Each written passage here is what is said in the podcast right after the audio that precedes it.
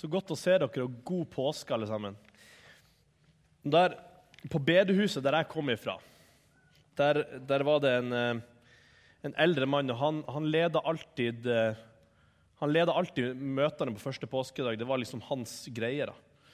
Um, og han hadde en ting som jeg tenkte jeg skulle prøve ut her. da. Får vi se hvordan det går. Men han, når han kom opp på talerstolen og skulle lede møtet, så, så, så brukte han alltid å si 'Kristus er oppstanden'. Og så svarte Heil Ikke sant? Ja, han er sannelig oppstanden. Så vi prøver det. Jeg sier det, og så svarer vi. Så bevisstgjør vi hverandre på det. Kristus er oppstanden.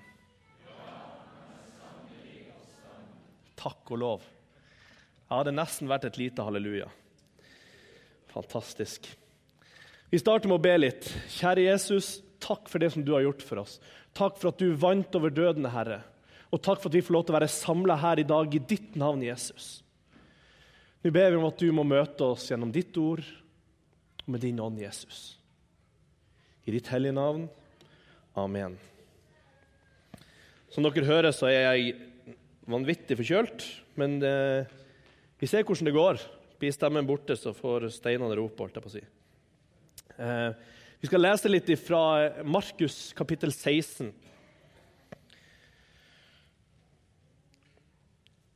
Da sabbaten var over, kjøpte Maria Magdalena, Maria Jakobs mor og Salome velluktende oljer for å gå og salve ham.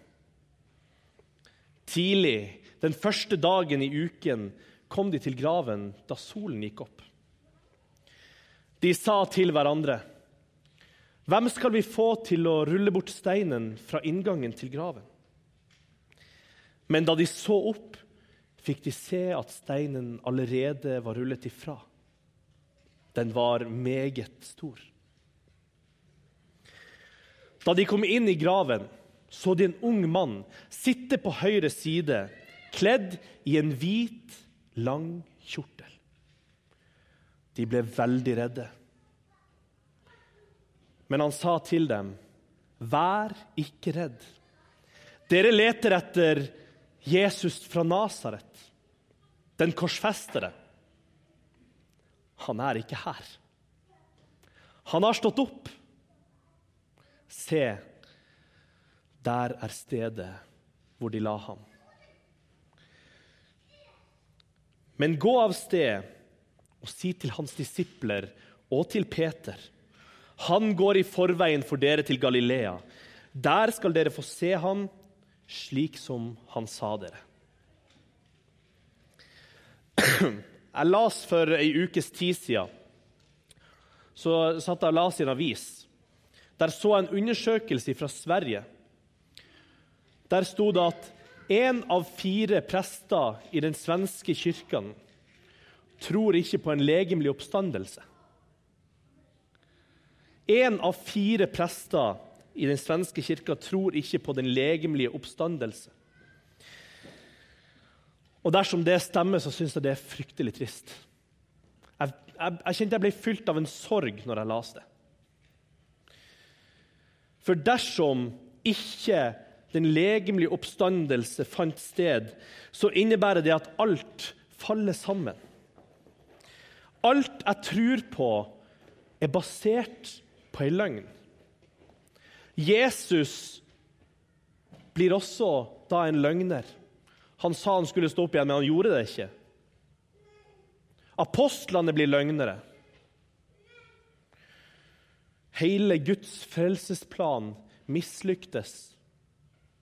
Alt som Skriften leder opp til, fikk verdens største antiklimaks.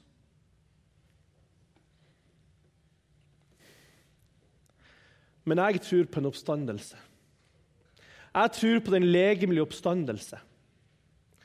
Jeg tror på alt Bibelen sier, og jeg tror på en allmektig Gud. Jeg tror på en Gud som er mektig nok til å skape verden på seks dager, for så å ta seg en fridag.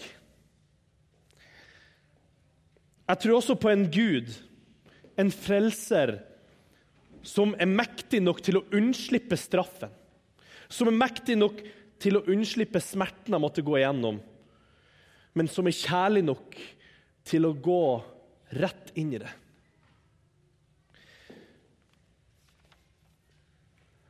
Jeg har eh, nå i begynnelsen av påskeuka fått tid til å studere noen skriftord. Eh, og Jeg har lyst til å gå litt tilbake. Jeg vet at dette er oppstandelsesmorgen, men for at jeg har lyst til å vise dere noe som jeg har oppdaga nå i påsken, og som for meg har gjort dette skriftordet helt nytt. Og som gjorde at jeg ble fylt med enda større takknemlighet. Jeg har sett litt på når Jesus er i Getsemane. Jeg vet ikke om du har vært i Israel eller vært i Jerusalem, men det er min favorittplass i hele verden. Det er Getsemanehagen. Å sitte der og være med Jesus og vite at her kjemper Jesus kampen for meg. Det er når Jesus blir tatt til fange. Og Jeg vet ikke om dere husker hva som skjer der, men Jesus han tar med seg disiplene til hagen etter måltidet og vel vitende om alt som skal skje. Altså Han vet alt. Så tar han dem med dit. Så står det at han ble grepet av angst og gru. Og så ba han disiplene om å sette seg der mens han ba. Så tok han med seg Peter, Jakob og Johannes, hans nærmeste. Så sier han til dem Min sjel er tynga til døden av sorg. Bli her og våk. Så gikk Jesus fram et lite stykke, og så kasta han seg til jorda. Så ber han om at timen måtte gå han forbi, om det var mulig. Så ber han, Abba, far, alt er mulig for deg. Ta dette begeret fra meg. Men ikke som jeg vil, bare som du vil. så har jeg spurt meg sjøl hva var det som var i dette begeret som var så forferdelig å tømme at selv Gud, selv Jesus sjøl, svetta blod med tanken på det.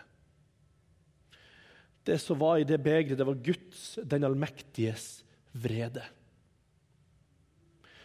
Det begeret måtte han tømme. For deg og for meg.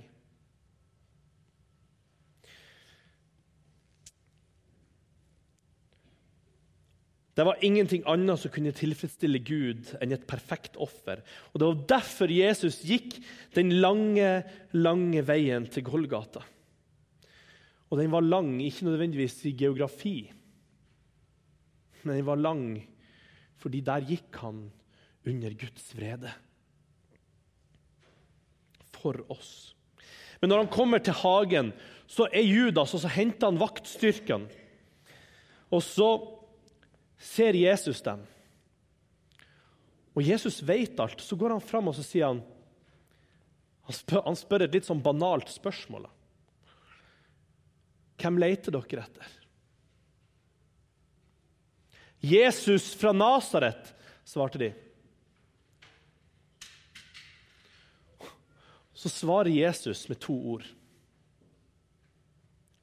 I vår norske oversettelse så står det at uh, han, han svarer Eh, 'det er meg' eller 'det er jeg'. Men opprinnelig så står det Han svarer med to ord. Ego Amy. Jeg er. Han svarer med det samme som Gud møter Moses med. Det samme som israelsfolket kjenner Gud ved. Jeg er. Den hellige Gud, den evige Gud, den skapende Gud. Det svarer Jesus, ego Amy. Og da, da står det at vaktstyrkene rygga tilbake og falt til jorda.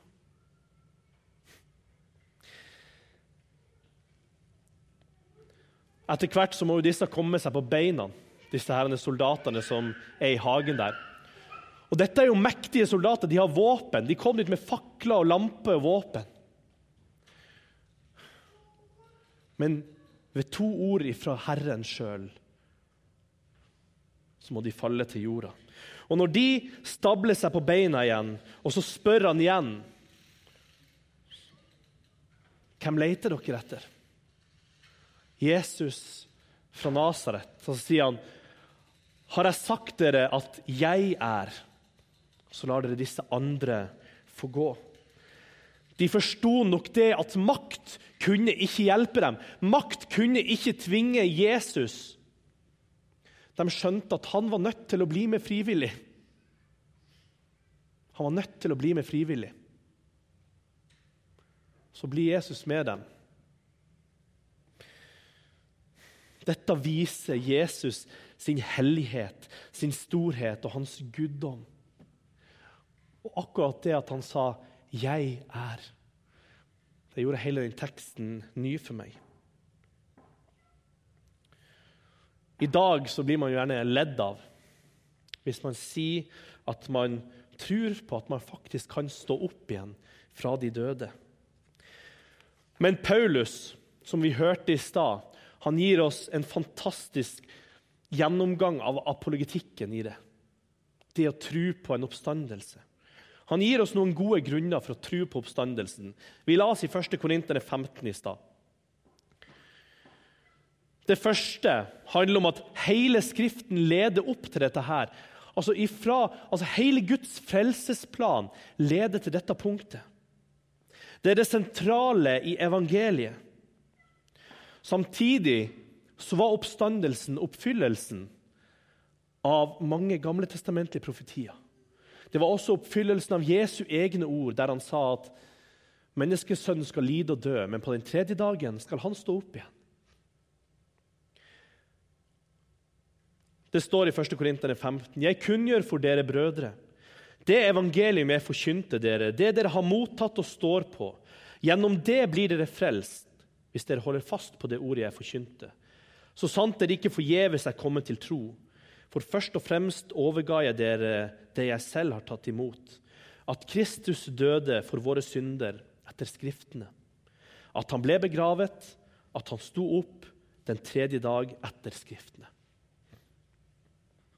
Så var det ikke sånn at det var bare én sånn skrulling som hadde sett han. En sa ja, det er en mann som var død, som lever. Nei, nei. Paulus sier at uh, det var ikke bare én som så dette her. Det var mange. Som vi hørte i stad, står det han viste seg for Kefas, deretter for de tolv. Deretter viste han seg for mer enn 500 brødre på én gang. Altså, forklar den, da. Mer enn 500 på én gang. Hadde han vist seg for dem én og én, så kunne liksom det vært en sånn hviskeleken at du, Jesus, stå opp, du må si det. Men han viste seg for 500 på én gang. Og Så sier han av dem lever de fleste. Det vil si at de kan vitne om det. Noen er døde. Deretter viste han seg for Jakob, deretter for alle apostlene og deretter til slutt for meg, altså Paulus. Mange var villige til å dø for vitnesbyrdet om at Jesus lever. Det var mange av apostlene som ofra livet sitt mange i den tidlige kirke som ofra livet sitt for det de hadde sett og hørt.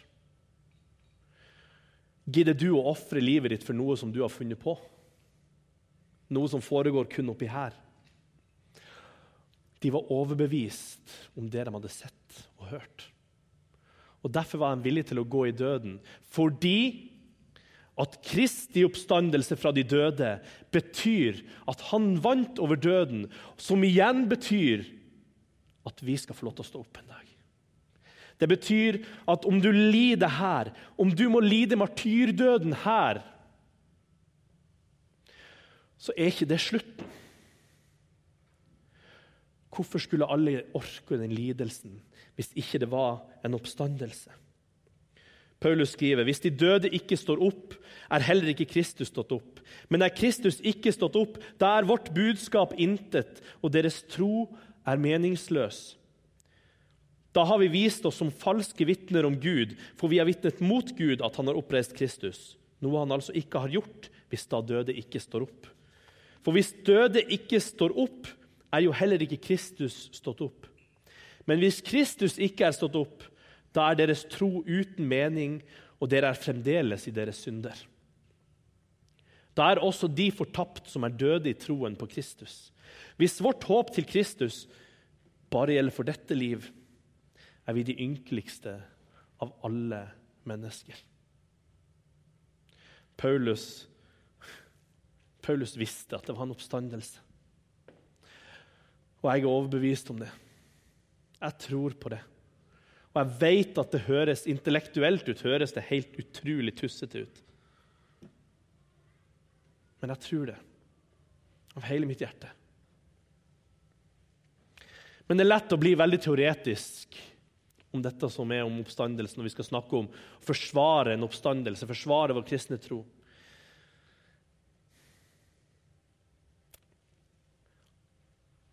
Akkurat nå Jeg vet ikke hvordan det er med deg, men akkurat nå så feirer jeg åndelig nyttår. Hva, hva legger du i det? Hvis du ser rundt deg i naturen nå Alt det som døde, får nytt liv. Vokser opp igjen, spire. Sånn er det i vårt liv òg. Det skapes noe nytt. Påsken og Jesu oppstandelse skaper noe nytt. Det gir nytt håp, og det gir meg liv. Det som skjer nå, i påsken, betyr livet for oss. Jeg har ofte sammenligna meg med Peter. Og Også i påskehistorien og oppstandelseshistorien så, det, så får Peter en stor rolle. Jesus sa til dem når han, var, når han spiste sammen, så sier han dere skal alle vende dere bort fra meg. For det står skrevet jeg skal slå hyrden, og sauene skal bli spredt. Men etter at jeg har stått opp, da går jeg i forveien for dere til Galilea. Da sa Peter til ham, om så alle svikter deg, så vil ikke jeg gjøre det. Jesus sa til ham, sannelig, jeg sier deg, nå i natt, før hanen galer to ganger, skal du fornekte meg tre ganger. Men Peter forsikret og sa, Herre, om jeg så må dø med deg, så vil jeg ikke svikte deg. Det samme sa de alle. Det samme sa de alle.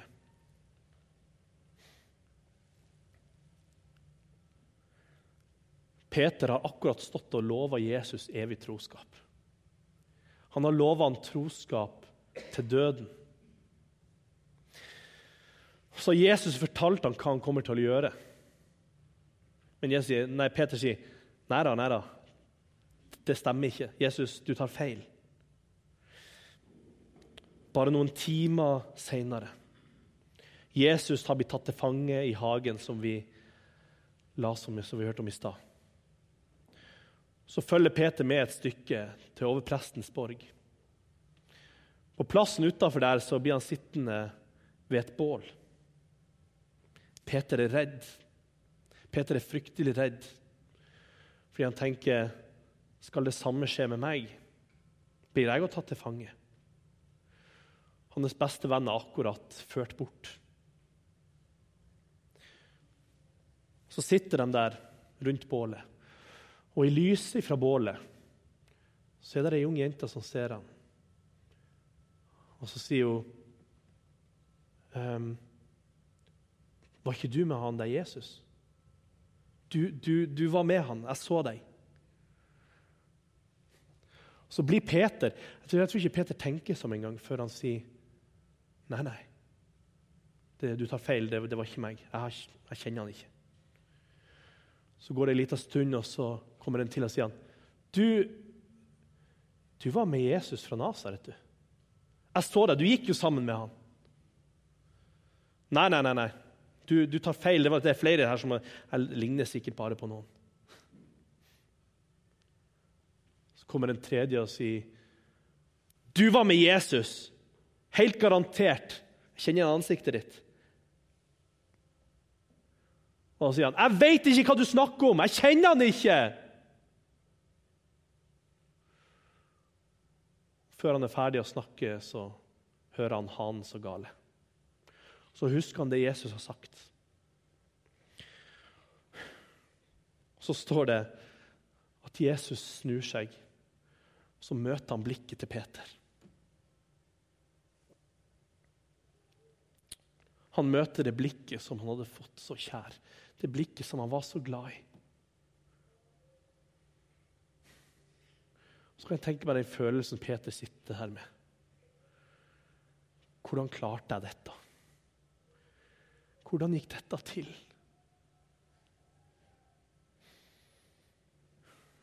Peter har ødelagt alt. Jesus dør. Og Peter sitter igjen med verdens største klump i magen. Han svikta han som han lovte å aldri svikte. Nå var det over. Ferdig. Kunne bare gå hjem.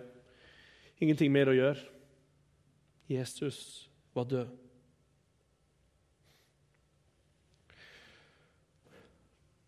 Men også her så viser Jesus at det er nytt håp for deg og meg. Fordi Peter så svikta så grundig han, Jeg ser for meg når han får beskjeden. Grava er tom. Gra, grava er tom. Så spretter han opp fra stolen sin, og så løper han. Skriver Johannes at han løper. Jeg, jeg liker det som Johannes skriver. Det, det, er, liksom, det er litt sånn skrytete. Så sier han han også, den, den disippelen som Jesus elska, sprang. Men jeg sprang fortere enn han. Så sier han, så, så Peter kom litt seinere fram til grava. Så, men den disippelen som Jesus elska, Johannes, han, han, går ikke inn. Men Peter han klarer ikke å stoppe. Han løper rett inn i grava, for dette må han se. Dette må han se, fordi, fordi dette var det eneste håpet han hadde igjen etter å ha svikta det levende Gud. Det eneste som kunne berge han nå, var at Jesu ord faktisk holdt. At han, det at han hadde sagt at han skulle stå opp ifra de døde, faktisk gjaldt.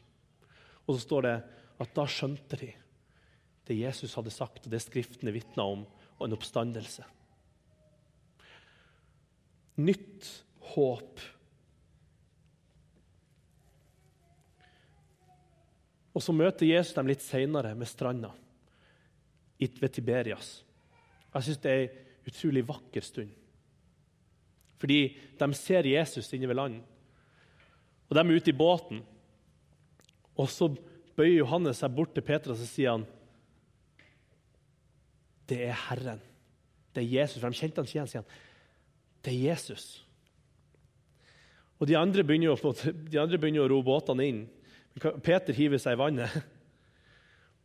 Og så bakser han seg inn mot landet. ser for den kjortelen. Det må jo være utrolig upraktisk. Bakser han seg inn mot land der fordi han må treffe Jesus. Og Så har de ei stund der ved bålet. De har spist fisk, hatt et måltid i lag. Og Så skjer det noe som er så vakkert. Så sier Jesus til han, Peter Elsker du meg mer enn disse andre her? sier han, Ja, Herre, du vet at jeg har deg kjær. Så spør han igjen, sier han, Peter, elsker du meg mer enn disse andre her? Ja, Herre, du vet jeg har deg kjær. Spør Jesus for tredje gang, så sier han, Peter, elsker du meg elsker du meg?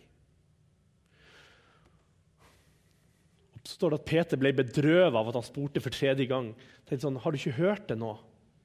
Så sier han, Herre, du vet alt. Du vet alt. Du vet at jeg har deg kjær.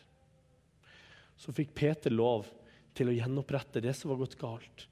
De gangene han sa 'jeg kjenner han ikke', så fikk han nå lov til å si 'Herre, jeg elsker deg'. Sånn er det for meg òg. Fordi for meg var alt håp ute. Jeg svikter Jesus gang på gang. Bjørn Eidsvåg har, han, har skrevet noen utrolig fine sanger. Og den sangen 'Kyrie', som han har skrevet, det, det